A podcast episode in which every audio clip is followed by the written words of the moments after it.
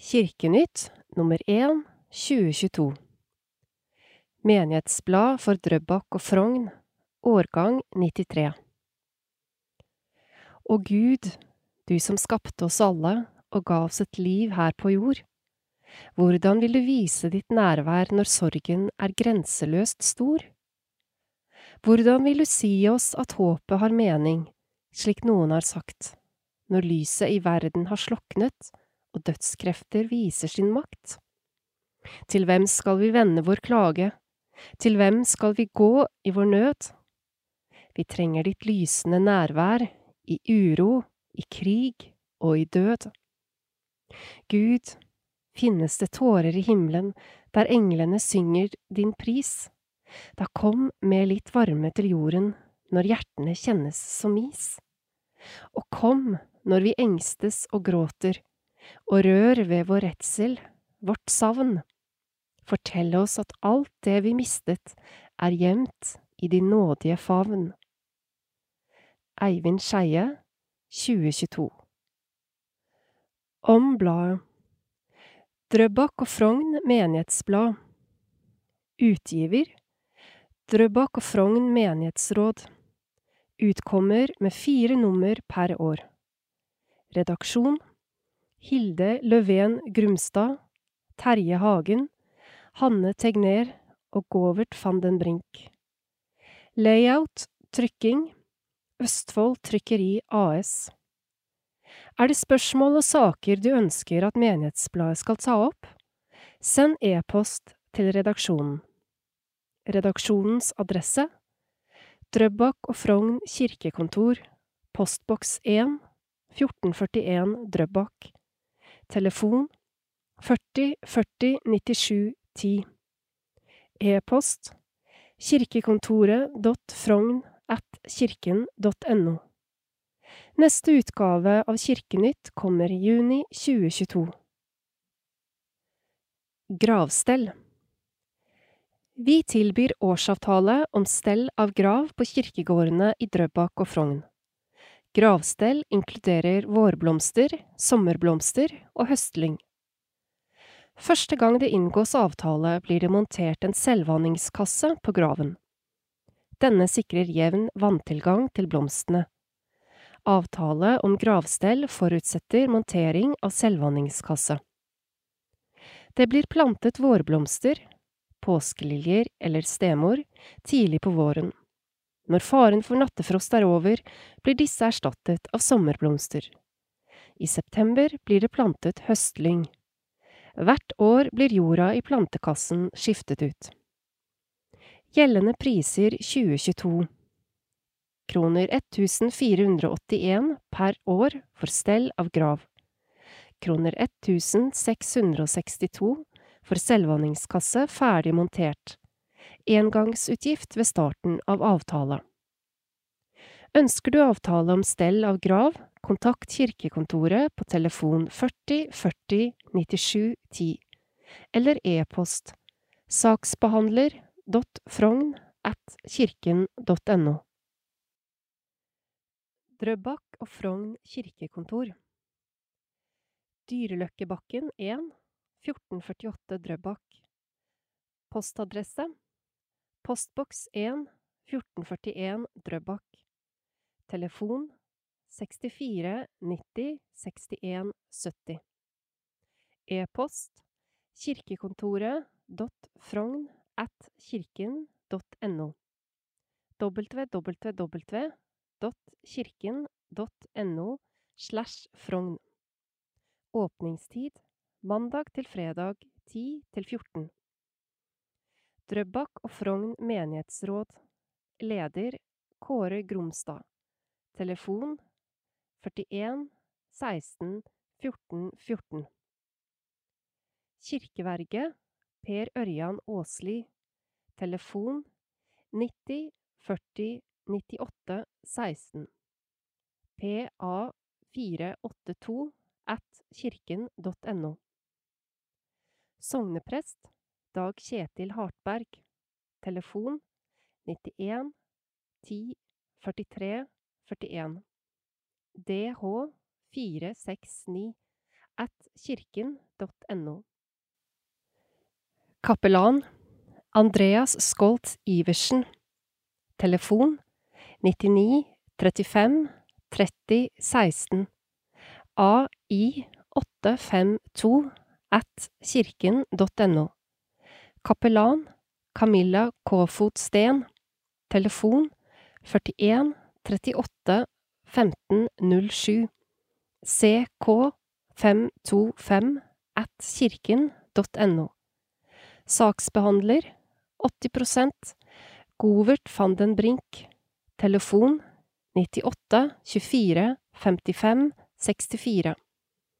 GB 327 at kirken.no. Sekretær 50% Randi Flokk.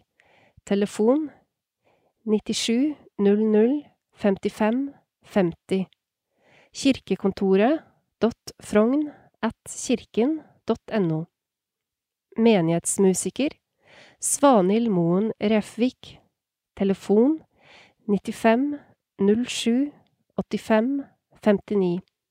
SR 777 at kirken.no. Kantor Rudolf de Beer. Telefon 95 01 34 40. RB 898 at kirken.no. Kateket Oddrun Bølerengen. Telefon 48 24 57 18. OB 936 at kirken.no. Diakon Maria Nerve Bjørkenvik. Telefon 95 23 14 89. MB 387 at kirken.no. Kirketjener 50% Frode Våler. Telefon 40 60 39 07. FW 577 at. Kirkegårdsarbeider Antony Solnerkiewicz, Telefon 40 73 97 85. AZ 653 at kirken.no. Kirkegårdsarbeider Per Gunnar Hoel. Telefon 92 88 35 47. PH 753 at kirken.no. Barne- og ungdomsarbeider Deltid 10% Sara Emilie Jonhaugen.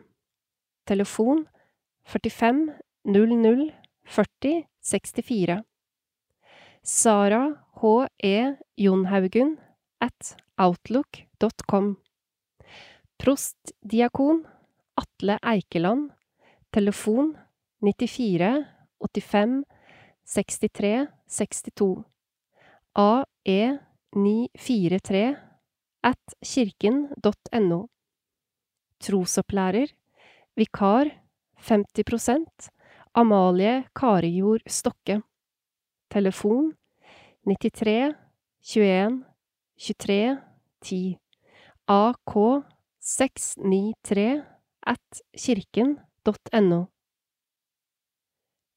Dåpsreisen Dåp er viktig av mange grunner. Derfor må de praktiske sidene rundt dåp ikke være til hinder for å velge dåp for barn, unge og voksne.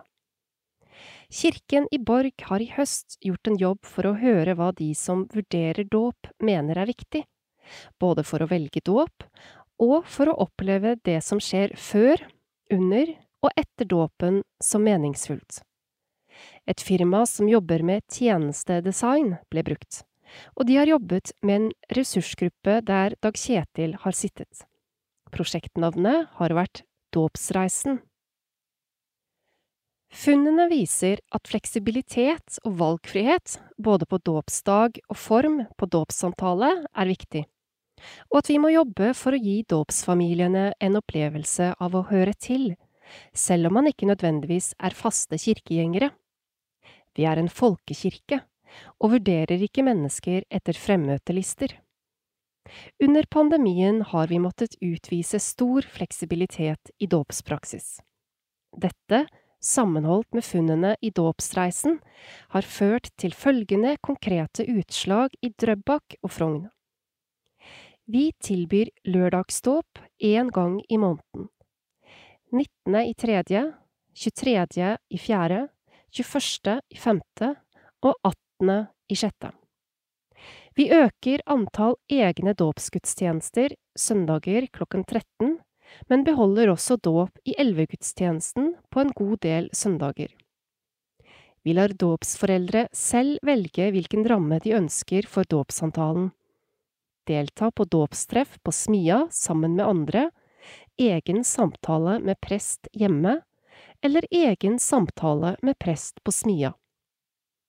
Vi ser at dåpstallene våre for både 2020 og 2021 har vært høye, og vi ønsker at det skal fortsette. Påsken i gullfarge Det er krig i Europa. Igjen. Jeg tar turen fra Bølgen til badeparken og ser utover fjorden til Oscarsborg. Like ved står det nye monumentet over de falne i Frogn under andre verdenskrig. Jeg vet ikke hva kunstnerne tenkte da de laget minnesmerket, men det ser ut som om det er sprekker i monumentet, og ut av sprekkene kommer det gull. Jeg tror det handler om noe som er ødelagt, at kanskje alt i verden bærer på lidelse og ufullkommenhet. Dette er vondt, men i det vonde ligger det muligheter. Det ligger gull i sprekkene. Det er ikke god tone å se etter mening i det onde som skjer. Det sies at det mørke bare er svart. Noen bruker lidelsen i verden som bevis på at Gud ikke finnes. Men om vi avskaffer Gud, blir verden mer logisk da? Blir det lettere å leve i lidelsen? Livet blir likevel et mysterium, noe som er større enn oss noe vi ikke fullt ut kan forstå eller kontrollere. Jeg snur meg og ser sørover. Ikke langt unna minnesmerket over de falne i Frogn ligger Drøbak kirke. Øynene mine treffer kirketårnet som strekker seg mot himmelen. Øverst, helt i toppen av spiret, blinker et kors av gull i solen. Hvorfor er korset farget med gull? Det er historien om hvordan Kristus snudde nederlaget, hvordan han ofret seg, led og døde på korset. Da han oppsto, ble korset forvandlet til et gullkors, et seierssymbol. Døden ble forvandlet til liv. Derfor feirer vi påske. Hvorfor er sprekkene i minnesmerket fylt med gull? For meg er det historien om de falne fra Frogn under andre verdenskrig de ofret seg, led og døde. Deres liv ble til frihet for oss. Derfor feirer vi 17. mai. Er det en hemmelig forbindelse mellom lidelsen og Gud? Kan Gud forvandle selv det mørkeste mørke til lys? Jeg tror det. Mange av oss har et gullkors rundt halsen. La påskens farge bli gullfargen. Tekst og foto Hanne Tegner Frivillighetens år 2022 Kirkenytt har fokus på frivillighetens år i dette nummeret. Vi har tatt praten med tre av menighetens frivillige. Noen gjør mye, andre litt mindre. Men én ting har de felles. De er alle med, helt frivillig. Hvem er Atle Fretreim? Atle Fretheim er en 54 år gammel mann fra Ås som i nesten ti år har bodd på Her, sammen med ektefelle og tre barn. Barn som begynner å bli mer eller mindre voksne. 13, 15 og 20 år. På slutten av 1990-tallet jobbet han som lege, blant annet på legevakta i Oslo, og som frivillig for Leger uten grenser. Siden 2000 har han drevet mest med forskning, og leder nå FHIs senter for forskning på smitteverntiltak. På kontoret har han en stor pokal for seier i Follorock 1987, som både kan forklare forkjærligheten for gitarer og det litt for lange håret som ble tidsriktig anlagt som gitarist i Ås Tensing på 80-tallet. Han ga raskt opp musikerkarrieren, men etter å ha holdt seg langt unna de skrå bredder i 25 år, debuterte han som standup-komiker med sin egen forestilling Nordlendinger og annet pakk i 2016, som gikk for fulle hus på Ås stasjon. To år seinere var han tilbake med et nytt soloshow, Politisk kollekt, til enda flere fulle hus, også på Renskau i Drøbak. Så kom koronaen, og jobben på FHI ble altoppslukende. Atle ble sittende på den lille pulten på soverommet fra morgen til kveld. Det er ikke synd på meg, sier han, det har vært superinteressante tider for meg som forsker. Hva har du lært de siste to åra, både privat og jobbmessig? De siste to årene har vært en merkelig tid. Det kanskje mest overraskende for meg er at så store deler av arbeidslivet ser ut til å kunne fungere temmelig godt, selv om de ansatte er hensatt på hjemmekontor. Det at det også er mange sektorer som mer eller mindre kollapser i en slik situasjon, er et stort problem for alle som rammes, men er ikke så veldig overraskende. Jeg syns selv at digitale møter på jobben fungerer veldig godt mens gudstjenester og kulturarrangement har vært mye vanskeligere å få til i digitalt format.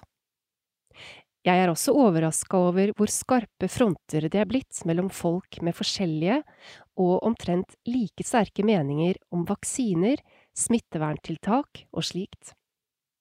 I Norge er vi spart for mye, sammenlignet med USA i alle fall, men også her har det tidvis vært ganske hissig på sosiale medier. Jeg har følt på samme frustrasjon som mange andre over å ikke kunne treffe folk, gå ut osv. Samtidig kjenner jeg meg også litt igjen når folk sier at det også har vært fint med rolige kvelder og helger, selv om det har vært en slags ro som vi ikke har valgt selv. Det at det har vært vanskelig å få ungdom til å holde seg hjemme og holde avstand til hverandre, er ikke overraskende i det hele tatt. 2022 er frivillighetens år.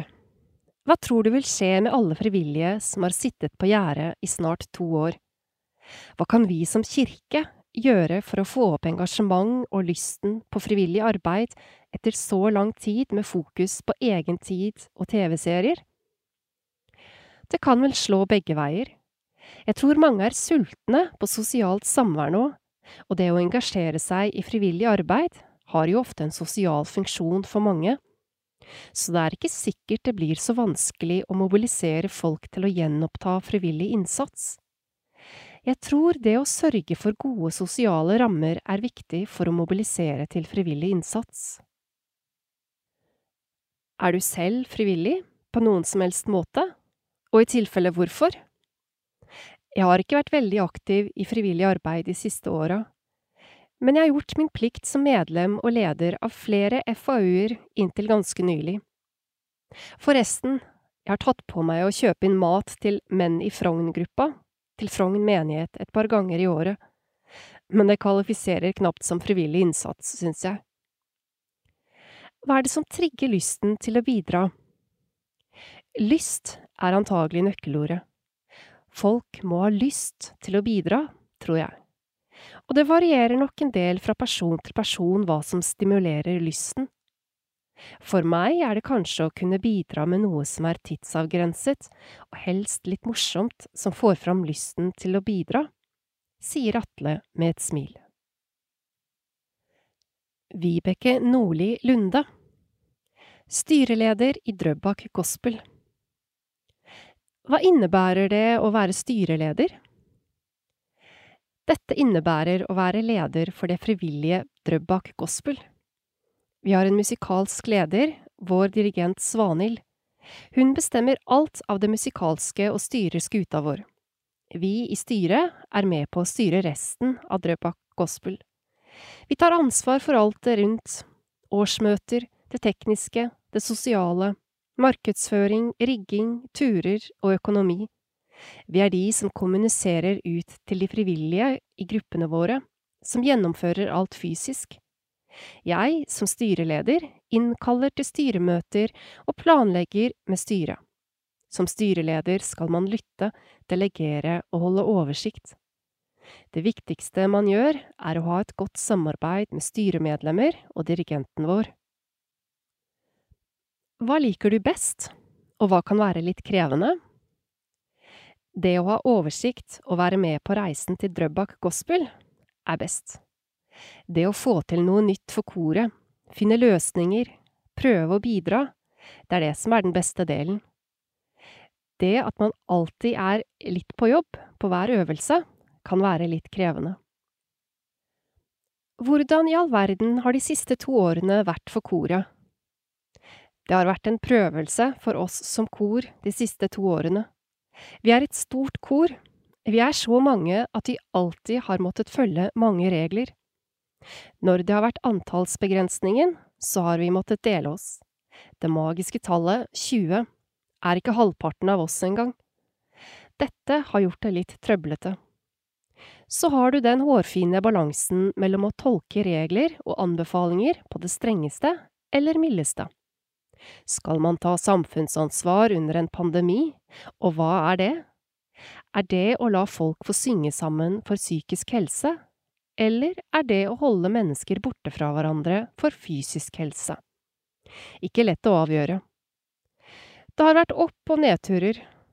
Det som er litt trist, er at man kanskje husker nedturene best. Vi hadde en vanvittig flott høst i 2021. Da fikk vi sunget for sommeren og helt til desember. Så kom en ny smittetopp, og vi måtte avlyse julekonserten. Det er noe av det tøffeste jeg har vært med på som styreleder. Så har vi hatt oppturer også. De to gangene alle restriksjonene var borte og vi kunne synge sammen som vanlig. Da var gleden og samholdet så stort at flere av oss måtte gråte litt på øvelsen. Nå er gleden stor igjen. Vi kan synge, vi kan glede oss til konsert igjen. I år har vi frivillighetens år. Kan du anbefale andre å bruke litt tid som frivillig? I aller høyeste grad. Jeg beklager å måtte si det, men vårt land er bygd på frivillighet. I både kulturen vår og idretten vår ser vi dette hver dag. Om man bruker tid som frivillig, så ser man også resultater. Du kan være med og lage en ramme for at andre skal trives, mestre og ha det sosialt. Det er godt å kunne bidra. Det gir like mye tilbake til deg selv også, å være frivillig. Du har sikkert vært frivillig i forhold til barn på skole og fritidsaktiviteter. Hva er forskjellen på det og koret som er ditt? Det er ikke store forskjellen, egentlig. Da jeg var fotballtrener for min sønn og min datter, var det like stort som å være frivillig i koret. Nå er fotball, sang og barna mine noe jeg setter veldig høyt, så da er det like gøy. Må innrømme at å sitte som klassekontakt på skolen ikke ga like mye moro for meg, men jeg så at det jeg gjorde, ble satt pris på da. Maiken Ransve Først litt om deg, Maiken. Hvem er du? Jeg er 18 år, går siste året på Ås videregående skole, IB-linja, driver med klatring og jobber på kafé og tomter mais, skal ta friår til høsten, hjelper til i kirka med ungdommen og har vokst opp med å delta på sosiale samlinger og arrangementer der. Fortell litt om hva du har vært med på før du ble frivillig, og hvorfor du ble med. Har vært med på det som tidligere var Kompisklubben, et tiltak fra kirken hvor vi dro på overnattingsturer til høyt og lavt, helgeseminarer og hadde uteaktiviteter i uka. Hovedsakelig begynte jeg å være mer med kirka etter konfirmanttiden, fordi det er så utrolig bra sosialt miljø der. Vi dro på en slags konfirmantreunion, overnattingstur i Østmarkskapellet et år senere, og ble spurt om vi etter hvert ville ta lederkurs og hjelpe til med konfirmanter på tur. Det var rundt eh, VG2 at jeg og en klassevenninne kontaktet kirka og sa at vi var interessert i å bli mer aktive der, litt grunnet et skolekrav vi hadde om å hjelpe til frivillighetssted i samfunnet. Deretter har vi bare vært med siden. Da er jeg veldig nysgjerrig på hva det innebærer å være ungdomsleder. Kan du fortelle hva du gjør? Vi har for det meste ansvaret for å skape et godt miljø med konfirmantene og ungdommene i kirka. Aldersavstanden mellom oss er mindre enn med de voksne, og vi kan derfor mykne opp praten og kanskje relatere litt mer med de yngre. Som ungdomsleder er det ofte vi er mer med på undervisningen i form av å lede samtaler, prate med konfirmantene, delta selv på konkurranser som lagledere, og for eksempel stå slalåm sammen med konfirmantene og prate med de underveis, som vi gjorde i vinterferien. Vi har også vært med på å holde kveldssamlinger hver kveld og passe på at alle trives og blir inkludert. Hva liker du minst og best med å være frivillig? Er det noe du vil anbefale flere å prøve?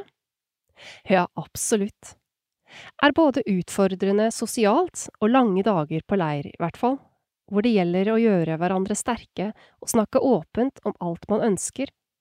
Vi er der for hverandre. Jeg, i hvert fall, blir også stadig utfordret til å snakke om kristen tro og om store spørsmål som jeg selv tenker er umulige å svare på. Noe jeg syntes er utfordrende, er nok å snakke om tro og kristendom med konfirmanter, som har masse spørsmål, når jeg selv var som konfirmant, tvilende og fortsatt ikke er helt sikker på min egen tro. Men jeg anbefaler alle å være ungdomsleder, for det er en veldig god erfaring å ta med seg videre i livet, og man får et godt innblikk i å tenke utenfor våre egne tanker om livet og universet. Tekst Hilde Løven Grumstad Madagaskar Drøbak og Frogn menighet støtter fremdeles kirkens viktige arbeid blant fattige på Madagaskar. Gi din gave til prosjektet. Vips 592323 Nødhjelp til ofre for sykloner på Madagaskar. Tusenvis av mennesker på Madagaskar er rammet av akutt mangel på mat og vann etter herjinger fra to tropiske stormer. Kirken ber om hjelp fra Norge til nødhjelp og gjenoppbygging. I februar ble Madagaskar hardt rammet av naturkreftene. Med en styrke i kastene på 235 km i timen og enorme nedbørsmengder feide syklonene Batsirai og Emnati inn over øya. De tropiske stormene har gjort enorme ødeleggelser og lagt både landsbyer og store landbruksområder under vann. FN melder om ca 150 døde, 170 000 mennesker har fått ødelagt sine hjem, og 206 000 barn står uten skole. Mangel på mat og rent vann Tusenvis av mennesker har mistet sine hjem, forteller kirkeverget Per Ørjan Aasli, som har kontakt med kirkens ansatte på stedet. Den største og mest akutte utfordringen er tilgang på mat og rent vann. Når oversvømmelsene trekker seg tilbake, klarer folk å bygge opp igjen hjemmene i løpet av noen dager, men det tar lang tid å få opp nye avlinger. Ris er det viktigste i kostholdet på Madagaskar. Risplantene kan stå inntil tre døgn under vann, men deretter begynner den å råtne. Det er det som skjer nå. De store rismarkene er oversvømt og risen er ødelagt. Derfor er kirken opptatt av at befolkningen må få hjelp til å komme i gang med dyrking av mat så raskt som mulig. Nødrop fra kirken Kirken på Madagaskar har sendt et nødrop til NMS, der de ber om matforsyninger, rent vann og hjelp til å dyrke jorda på nytt. Det er også stort behov for hjelp til gjenoppbygging av skoler og kirker. Rundt 200 kirker er ødelagt. Oksygen deles med flere sykehus. Sist sommer samlet vi inn penger til en oksygenkompressor til et sykehus på Madagaskar. Maskinen har vært viktig i behandling av covid-19-pasienter, men den kommer også til å bli viktig for behandling av andre pasienter ved Santé Plu. Nå har Det Norske Misjonsselskap gitt ekstra støtte til innkjøp av tilleggsutstyr som gjør det mulig å fylle oksygen på flasker, som igjen kan leveres til andre sykehus.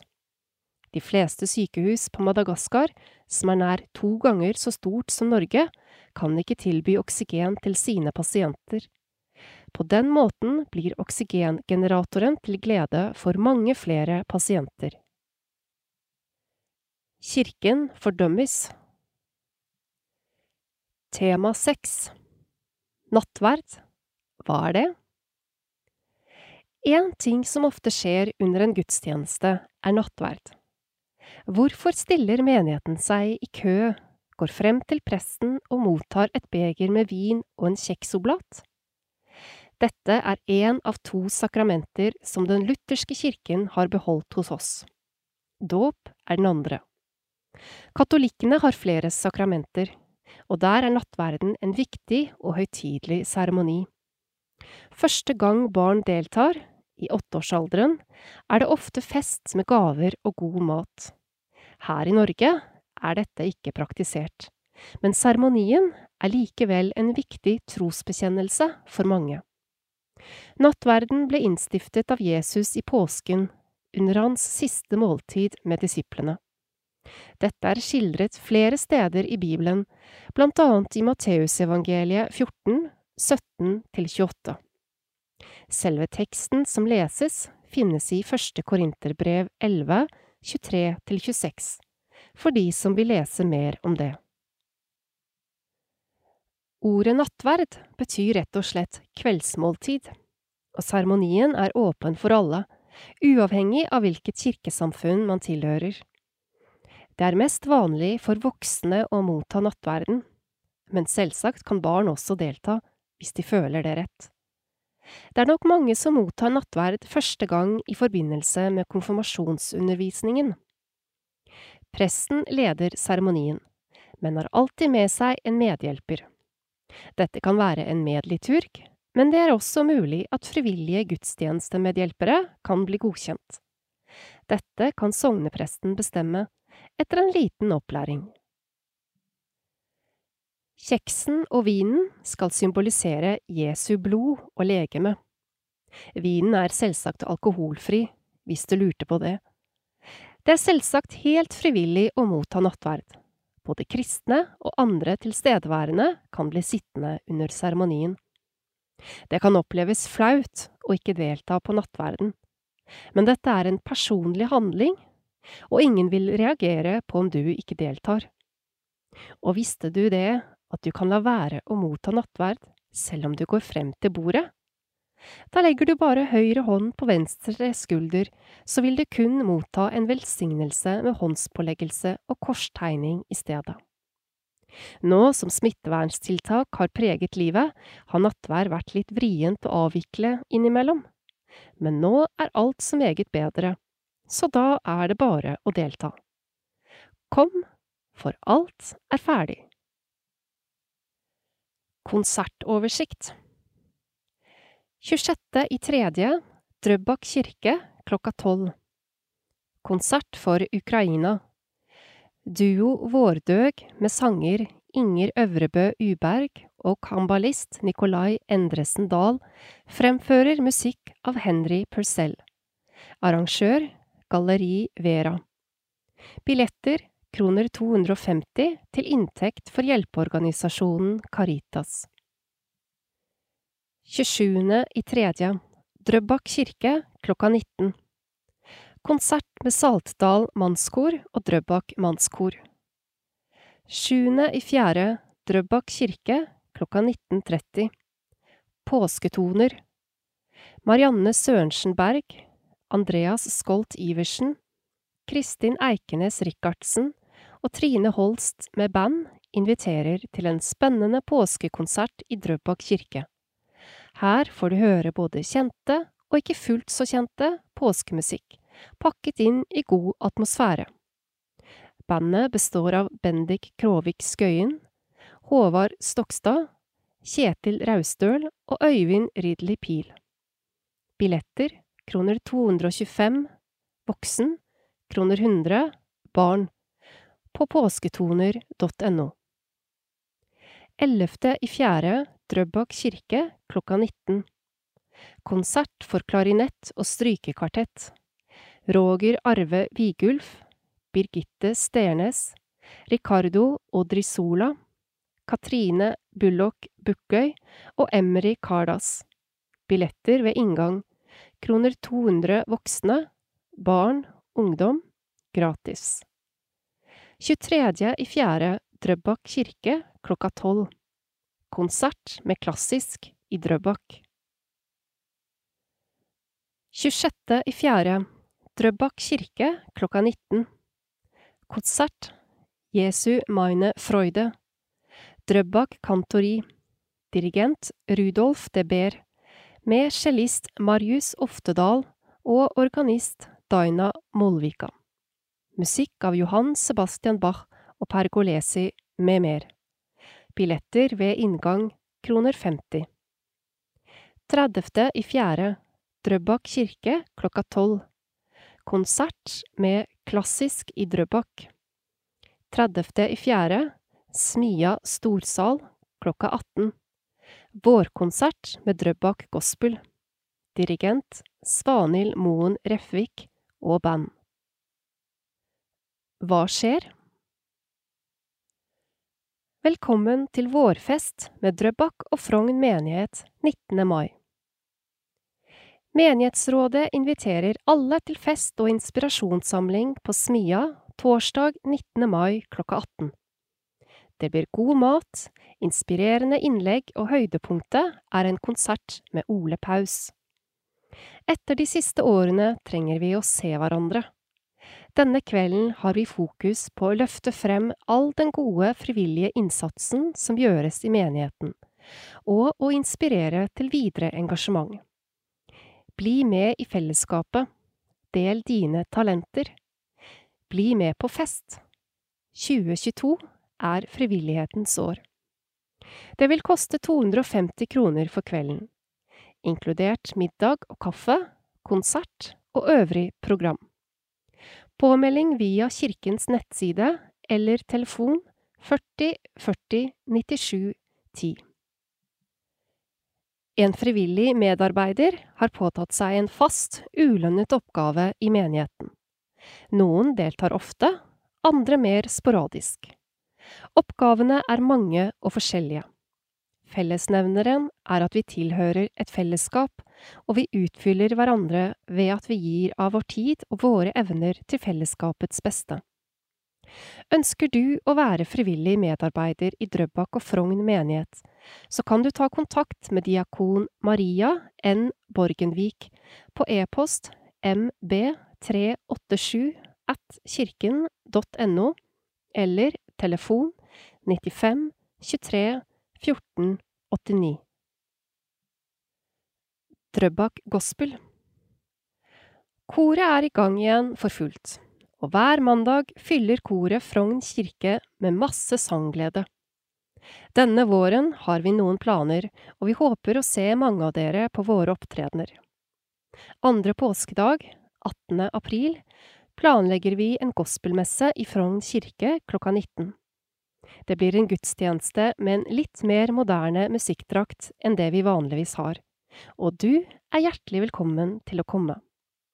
Vi skal dessuten ha en vårkonsert med gammelt og nytt gospelmateriale, og du er velkommen til å høre på. Et fullt band og lyd og lysrygg gjør at vi satser på en flott gospelaften. Du er velkommen lørdag 30. april klokka 18 på Smia. Tankesmia Drøbak og Frogn menighet inviterer til Tankesmia hver onsdag klokken 11.30 på Smia flerbrukshus. Temaer våren 2022 2. mars ernæring 16. mars studentprest i Oslo 30. mars fasteaksjonen 6. april vanskelige bibeltekster 20. april lokalhistorie 4. mai tur til Fredrikstad 11. mai politisk utvikling i mellomkrigstiden 25. mai trosopplæringsrapporten 8. juni internasjonal diakoni Vi spiser lunsj sammen hver onsdag, og annenhver onsdag får vi en innledning til et spennende tema. Drøbak kantori Kantoriet under ledelse av kantor Rudolf de Beer er i gang igjen med ukentlige øvelser på tirsdag klokka 19 til 21 i Frogn kirke. Akkurat nå forbereder vi oss til å synge på Maria budskapsdag 27. mars, konfirmasjon 7. og 8. mai, og ikke minst en påskekonsert med kor, cello og orgel 26. april i Drøbak kirke. Nye sangere er hjertelig velkommen til konserten 26. april, der vi skal synge musikk av Johan Sebastian Bach og Pergolesi, tar vi gjerne inn prosjektkorsangere, som bare er med i koret fram til da. Er du interessert, ta kontakt med dirigent Rudolf de Beer på telefon 95 01 34 40. Bli med på tur til Fredrikstad. Vi gleder oss til å dra på tur til Fredrikstad sammen onsdag 4. mai. Vi reiser med buss fra Smia, og i Fredrikstad skal vi besøke bispegården og få omvisning i gamlebyen. Diakoniutvalget og Tankesmia inviterer alle til å bli med på tur. Pris kroner 550 per person. Inkludert lunsj, guidetur og transport. Påmelding Kirkens nettside eller per e-post til diakon Maria Njerve Borgenvik på mb387 at kirken.no innen 27. april. Tacokoret har allerede hatt sin oppstart. Dette lavterskeltilbudet handler om å spise taco og deretter synge sammen. Første gangen kom det fem stykker, og i tillegg var prest og musiker med. Noen av de tilstedeværende var over 80 år og sto i kor for første gang i sitt liv. Skikkelig flott! Det er aldri for sent. Tacokoret møttes igjen på søndagens gudstjeneste og bidro der. Tanken er at hvem som helst kan bli med i tacokoret, enten man er vant til å synge eller ikke, og enten du er ung eller gammel. Fellesskapet skal stå sterkt i tacokoret. Og det handler ikke om å prestere musikalsk, her vil det alltid være plass til flere. Sagt på tacokoret, jeg blir så varm og glad av å synge. Ta kontakt med menighetsmusiker, eller bare møt opp på neste samling om du ønsker å bli med. Neste tacokor er fredag 13. mai, klokken 16 til 18 i Frogn kirke. Frognrussens egen omsorgsknute. Jeg går spent mot døra på Frogn videregående, der russepresident Mia Isabel Bernhard står og tar meg imot.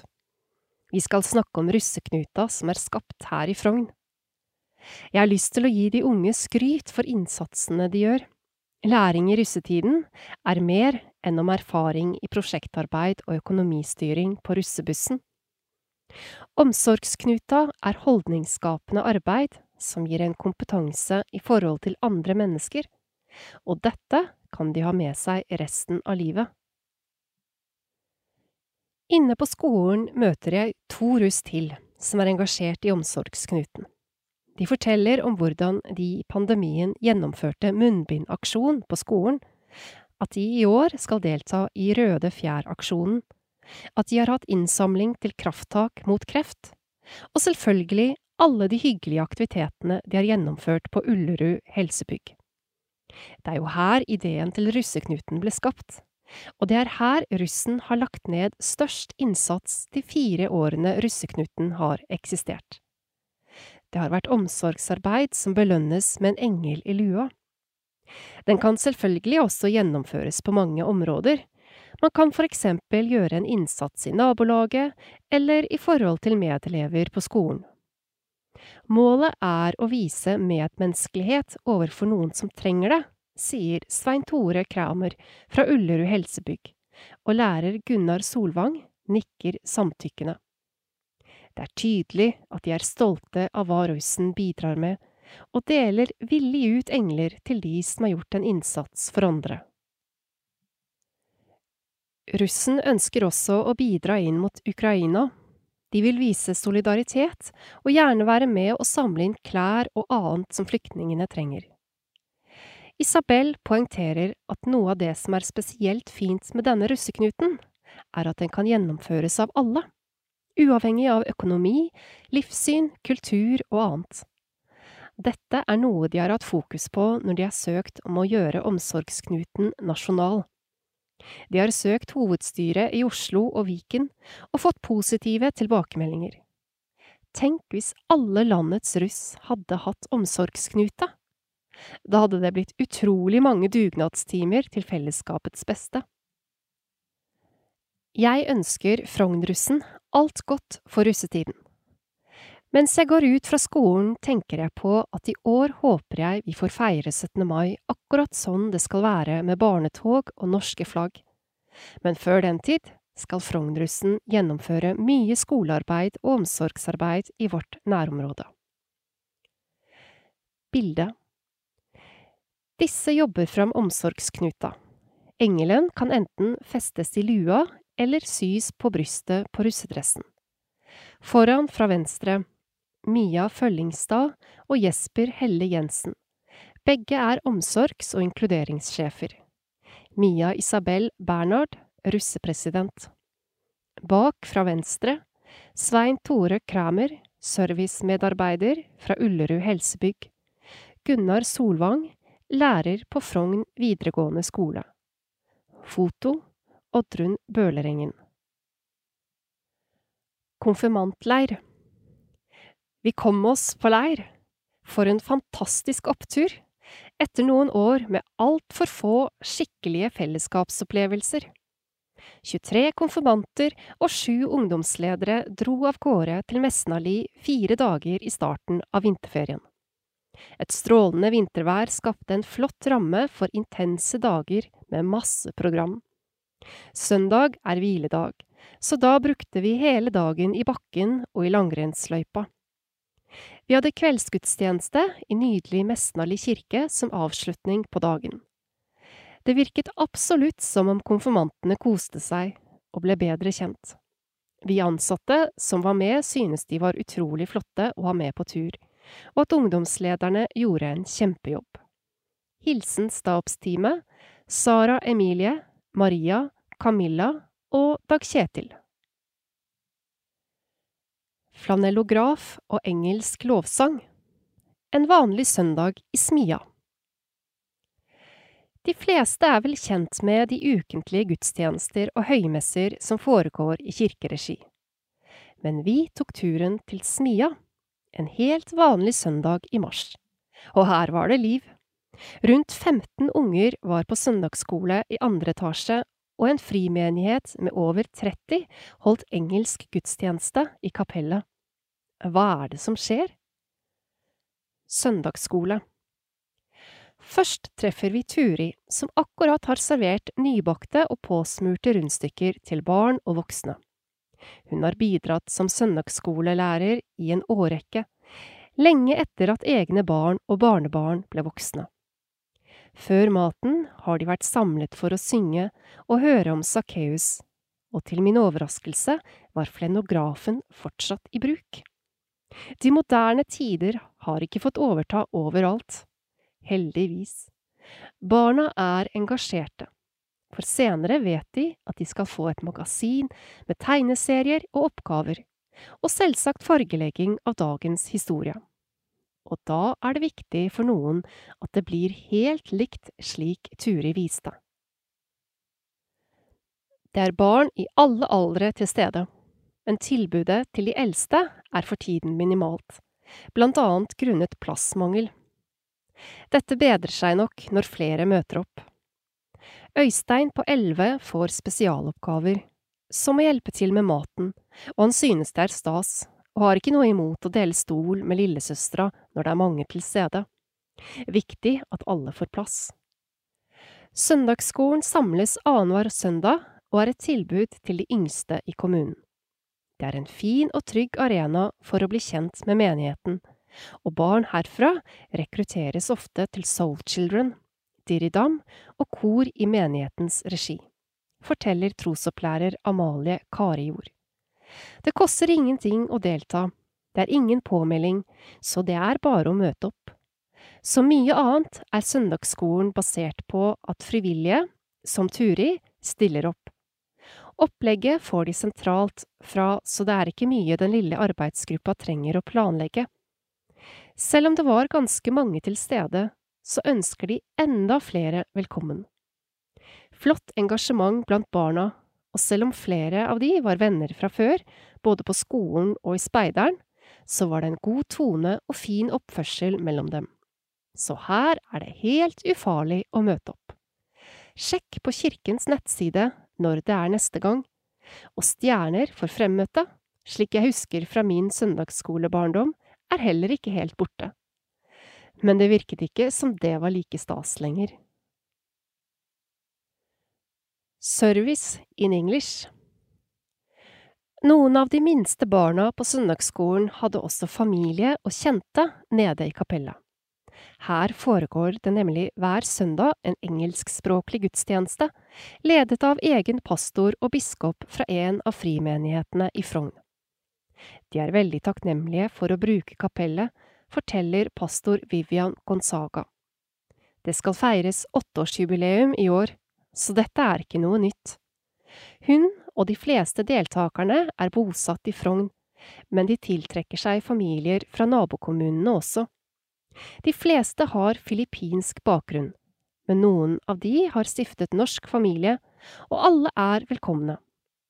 Selv ble jeg invitert inn på et måltid etter at seremonien var over. Vi pleier å ha det litt sosialt sammen etter gudstjenesten. Det er alltid mange som ønsker å prate og leke sammen, forteller Vivian. De fleste snakker norsk, men selve gudstjenesten foregår på engelsk. Det jeg la merke til, var at de brukte gitar istedenfor orgel, og at sanggleden var merkbart bedre enn norske gudstjenester jeg har vært på. Så er du nysgjerrig på dette, garanterer jeg at du blir tatt godt imot av Vivian og de andre i den filippinske tverrkirkelige menigheten. De er der hver søndag klokka elleve. Trivelig gjeng. Av Terje Hagen. Men i Frogn men i Frogn er en møteplass med rom for interessante samtaler og nye bekjentskap. Under pandemien ble det full stopp, og nå etter nyttår har en liten arbeidsgruppe jobbet for å få det i gang igjen. Rammene er en innledning over et tema, samtale og kveldsmat. Målgruppen er menn i alle aldre. Tidspunkt er torsdager klokka 19 på Smia, ca. én gang i måneden. Det var en samling i mars, og etter påske blir den første torsdag 21. i fjerde. Da er tema Dialog i praksis. Innleder er Geir Hagberg, som brenner for å skape god kommunikasjon og involvering gjennom nettopp dialog. Ønsker du å få tilsendt jevnlig informasjon om prosjektet? Send en e-post til dh469 at kirken.no. Dag Kjetil Hartberg leder arbeidsgruppa som består av Erlend Høyem, Tore Skoglund, Terje Hagen, Atle Fretheim og Håvard Sæbø. Fasteaksjonen 2022 Vi står i solidaritet med nødstilt verden. Visst kan vi bidra. Vi må stå i solidaritet med nødstilt verden der krig og urett uråder. Vi kan bidra med vårt engasjement, våre penger og bruke vår stemme til å stå opp mot maktovergrep og undertrykkelse. Hvert år gjennomføres Kirkens Nødhjelps fasteaksjon der alle kan bidra. Tidligere var konfirmantene bøssebærere, men nå er det en solidaritetsaksjon der de mobiliserer innbyggerne i kommunen til å gi penger for innsatsen konfirmantene gjør. Det kan være tjenester de utfører, solidaritetsløp, konserter, salg av mat eller annet. Målet er at det ungdommene bidrar med, utløser stor giverglede. Pengene går til de som trenger det aller mest, og akkurat nå trengs det til krigsofrene fra Ukraina. Samtidig som det er krig i Ukraina, må vi se videre ut til en verden i nød, og det gjør Kirkens Nødhjelp som fast bistandsarbeid. Konfirmantene i Drøbak og Frogn har sitt hovedfokus fra 30. mars til 5. april. Siden 2015 har midlene fra fasteaksjonen gått til vann. Vann er helt avgjørende for å leve, og årets aksjon hadde navnet Håp i en dråpe vann. Og de innsamlede midlene skulle gå til rent vann på det afrikanske kontinentet. Men nå er det krig i Europa, og jeg spør Mona Bø, Kirkens Nødhjelp sin regionskontakt, om hvordan de forholder seg til denne katastrofen. Mona kan fortelle at de allerede de første dagene av krigen var på plass, i grenseområdene rundt Ukraina, via sin søsterorganisasjon Act Alliance, som har arbeid i de ukrainske nabolandene. Kirkens Nødhjelp er en del av denne internasjonale humanitære alliansen, og kan derfor være svært raskt på plass i katastrofeområder. Innsatsen for det ukrainske folk vil fortsette i tiden fremover, og folk og forsendelser direkte fra Norge er nå på plass der hjelpen trengs mest. Kirkens Nødhjelp bidrar med å etablere flyktningeleirer, de sørger for telt og mobile toaletter, mat, vann, ulltepper og hygieneartikler. De hjelper også til med å fortelle hvordan flyktningene kan komme seg ut av katastrofeområdene og videre inn til sikre områder. Kirkens Nødhjelp er svært takknemlige for alle gaver som blir gitt når det er katastrofer, og også det som blir samlet inn i kirkene på julaften, i fastetiden og ellers i året. Disse midlene, sammen med det som blir samlet inn under konfirmantenes fasteaksjon, er såkalte frie midler, som raskt kan omdisponeres og benyttes der det er akutte behov. Og akkurat nå er det Ukraina. Du kan gjerne begynne å gi allerede nå via QR-koden eller VIPS nummer 664395, som er våre konfirmanters VIPS-nummer. I aksjonsperioden vil det også være en del voksne ute med bøsser. Ønsker du å bidra som bøssebærer, så ta kontakt med kirkekontoret. Er dere en familie med barn, så bli gjerne med å mobilisere venner og familie til å gjøre solidaritetsoppgaver og gi inntektene til Kirkens Nødhjelp. Sammen kan vi bidra til en bedre verden. Livets gang Døpte 5. i 12. 2021 Elida Øveråsen Torp.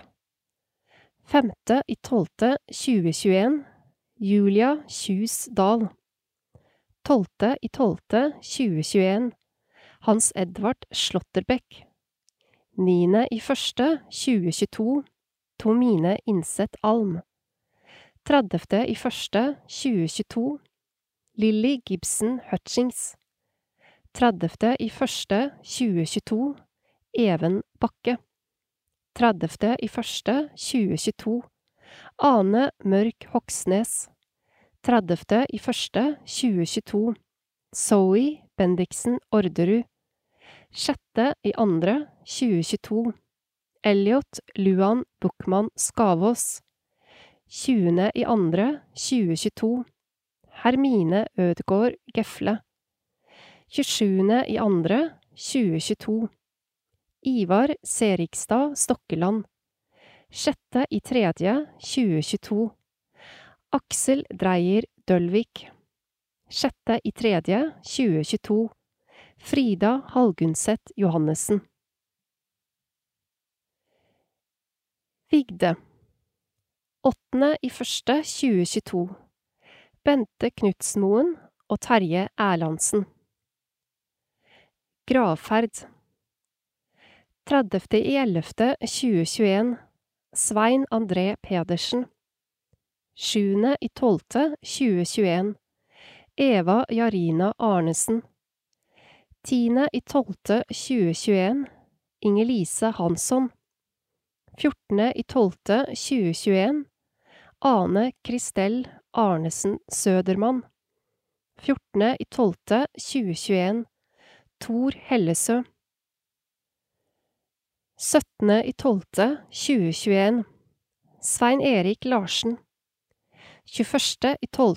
2021 Ole Wilhelm Johannessen 21. i 12. 2021 Ellen Sponberg 29. i 12. 2021 Nils Kolstadløkken 29. i 12. 2021 Hans Petter Nilsen 30. i 12. 2021 Elny Ruud 7. i 1. 2022 Arna Gribstad 7. i 1. 2022 Sverre Hove 7. i 1. 2022 Jens Erik Olsen 11. i 1. 2022 Arne Jørstad 14. i 1. 2022 Bjørg Synnøve Mikkelrud 14. i 1. 2022 Erna Roksrud 18. i 1. 2022 Jonny Wilfred Teien 18. i 1. 2022 Ingrid Gjertrud Obersheit Bjerke 25. i 1. 2022 Aina Skøyen 4. i 2. 2022 Sven Erik Aadal 8. i 2. 2022 Øystein Nikolaisen 10. i 2. 2022 Kari Larsen 11. i andre 2022 Bjarne Volmert 18. i andre 2022 Liv Karin Steen 25. i andre 2022 Kåre Nedreberg 4. i tredje 2022 Bjørn Esbjug 4. i 3. 2022 Berit Nilsen 8. i tredje, 2022 Helge Bensen 8. i tredje, 2022 Svein Tore Johnsen 10. i tredje, 2022 Laila Firing 11. i tredje, 2022 Odd Egil Kristiansen 11. i tredje, 2022 Yngve Atle Paulsen Gudstjenesteliste Velkommen til kirkene Søndag 20. mars Smia storsal klokka 18 Smia-gudstjeneste ved Andreas Skolt Iversen og Svanhild Moen Refvik. Søndag 27. mars Maria budskapsdag Frogn kirke klokka 11 Gudstjeneste ved Camilla Kofod Steen og Rudolf de Beer. Drøbak kantori deltar. Menighetsmøte etter gudstjenesten. Søndag 4. april Drøbak kirke klokka 11. Gudstjeneste ved Dag Kjetil Hartberg og Rudolf de Beer. Drøbak kirke klokka 13. Dåpsgudstjeneste ved Dag Kjetil Hartberg og Rudolf de Beer. Søndag 10. april, palmesøndag. Frogn kirke klokka 11. Familiegudstjeneste ved Andreas Skolt Iversen og Svanhild Moen Refvik. Torsdag 14. april, skjærtorsdag. Smia kapell klokka 19. Gudstjeneste ved Dag Kjetil Hartberg og Rudolf de Beer. Fredag 15. april, langfredag. Drøbak kirke klokka 11. Gudstjeneste ved Dag Kjetil Hartberg og Rudolf de Beer. Lørdag 16. april, Påskenatt, Drøbak kirke klokka 23. Påskenattsmesse ved Camilla Kofod Steen og Rudolf de Beer. Søndag 17. april, første påskedag, Drøbak kirke klokka 11. Høytidsgudstjeneste ved Camilla Kofod Steen og Rudolf de Beer. Mandag 18. april, andre påskedag. Frogn kirke klokka 19. Gospelmesse ved Camilla Kofod Steen og Svanhild Moen Refvik. Drøbak Gospel deltar. Søndag 24. april. Smia storsal klokka 18. Smia-gudstjeneste ved Andreas Skolt Iversen og Svanhild Moen Refvik. Søndag 1. mai. Drøbak kirke klokka 11. Gudstjeneste i samarbeid med Frogn Ap. Drøbak kirke klokka 13. Dåpsgudstjeneste. Lørdag 7. mai. Frogn kirke klokka 12. Drøbak kirke klokka 12 og 14. Konfirmasjonsgudstjenester. Søndag 8. mai. Drøbak kirke klokka 11. Konfirmasjonsgudstjeneste. Drøbak kirke klokka 13. Dåpsgudstjeneste. Søndag 15. mai. Frogn kirke klokka 11. Gudstjeneste ved Andreas Skolt Iversen og Svanhild Moen Refvik. Tirsdag 17. mai. Nasjonaldagen. Drøbak kirke etter barnetoget. Cirka klokka 11.15. Gudstjeneste. Søndag 22. mai. Smia storsal klokka 18.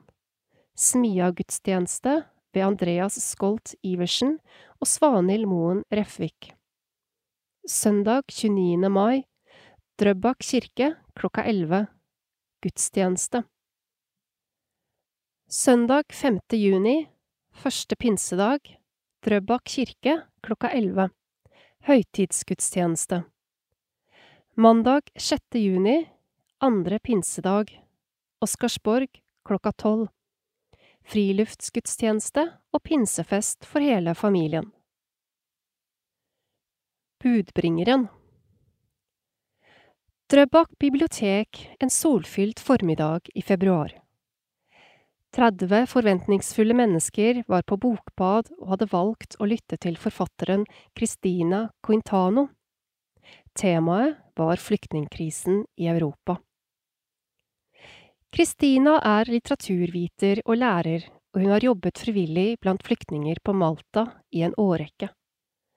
Dette gir henne førstehåndskunnskap om flyktningenes situasjon, en unik kunnskap som hun delte med oss denne vakre lørdags formiddagen. Bildet hun tegnet, var alt annet enn vakkert. Troverdig og levende formidlet hun en virkelighet langt utenfor vår fatteevne. Hvordan er det mulig for oss, i trygge Norge, å sette seg inn i et liv preget av krig, forfølgelse og overgrep, og hvor selve livsgrunnlaget smuldrer bort fordi storkapitalen kjøper opp såkorn og fiskerettigheter, og fordi klimakrisen gjør det umulig å drive primærnæringer. Hun fortalte om unge menn fra Mali som, dersom de ikke valgte flukt, ville bli tvunget til livslang militærtjeneste. Hun beskrev situasjonen til mennesker som la på flukt på grunn av forfølgelse og overgrep, eller at hele livsgrunnlaget var tatt fra dem. Hun fortalte om mennesker som hadde spart penger fordi de ønsket å skape en bedre framtid, som kjøpte transport og lugar på passasjerbåten som de trodde skulle ta dem trygt over Middelhavet. Så viser det seg at alt de trodde på, var løgn, orkestrert av kyniske menneskehandlere. Når de først kom frem til passasjerbåten, viste det seg at å være en gammel, åpen holk, utstyrt med redningsvester, stappet med avispapir. Mange har forsøkt å si nei til videre reise. Gå om bord eller bli skutt, er menneskehandlernes svar. Så går de om bord, båret av håpet og troen på noe større enn seg selv. Mange båter blir funnet, og håpet styrkes, for igjen å bli knust. I stedet for å bli reddet, blir båtene med flyktninger tvunget til å returnere til avreisestedet. Hun fortalte om utallige fartøyer i Middelhavet som følger den eldgamle skikken å hjelpe mennesker i havsnød, for deretter å seile rundt med dekket fullt av skipbruddene, fra havn til havn, uten å få tillatelse til å legge til. Hun beskrev systematiske brudd på grunnleggende menneskerettigheter og om brudd på flyktningkonvensjonen. Hun fortalte om brev til ulike justisministre uten å få svar, og hun delte fortvilelsen og frustrasjonen over det hun opplever som strukturell rasisme. En time Etter en times tid med dramatiske fortellinger fra virkeligheten kjente jeg på en stor avmakt. Problemstillingen oppleves så omfattende og så uangripelig. Spørsmålene tumlet rundt i hodet. Hva er mitt ansvar? Hvordan kan jeg bidra, og hva er myndighetenes ansvar for mennesker i stor nød? Middelhavet er langt fra oss, og det er lett å lukke øynene for det som skjer og fraskrive oss ansvar. Dette må jo løses gjennom EU og et europeisk samarbeid. Ja, dette må løses gjennom europeisk samarbeid, men hvem skal sette seg i førersetet gå foran og vise at vi tar mennesker på flukt på alvor? Media? Men selv bildet av druknede lille Alan skyllet i land på stranden klarte ikke å opprettholde oppmerksomheten mer enn noen dager.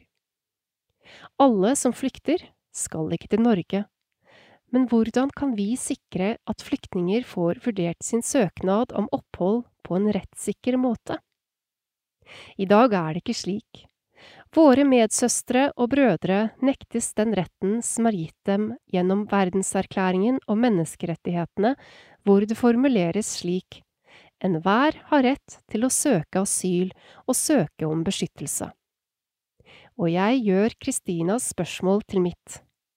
Hva hadde skjedd om noen hadde støtt på en norsk båt med 250 skipbruddene i Middelhavet? En annen krise. I disse dager ruller en annen krise over TV-skjermene. Russlands okkupasjon av Ukraina. Frivillige hjelpeorganisasjoner, som Kirkens Nødhjelp, melder om humanitær krise og store flyktningstrømmer. Heldigvis har Norge svart ja til å hjelpe og til å ta imot flyktninger og EU står samlet i fordømmelsen av Russlands okkupasjon og ønsket om å hjelpe. Heldigvis har mange, mange satt i gang ulike innsamlingsaksjoner, også her i kommunen. Jeg skulle ønske et samlet EU hadde den samme viljen til å hjelpe alle de som ikke får oppfylt sine menneskerettigheter. Jeg skulle ønske at Europa sto sammen om å fordele belastningene som båtflyktningene over Middelhavet medfører på landene langs Europas yttergrenser. Bare gjennom å ta felles ansvar kan vi lykkes i å redde medmennesker i nød. Bente Bjerknes Utannonsering Slutt på lydboken Innleser Merete Bø skulle det være feil ved lydboken, kan du ta kontakt med KAB.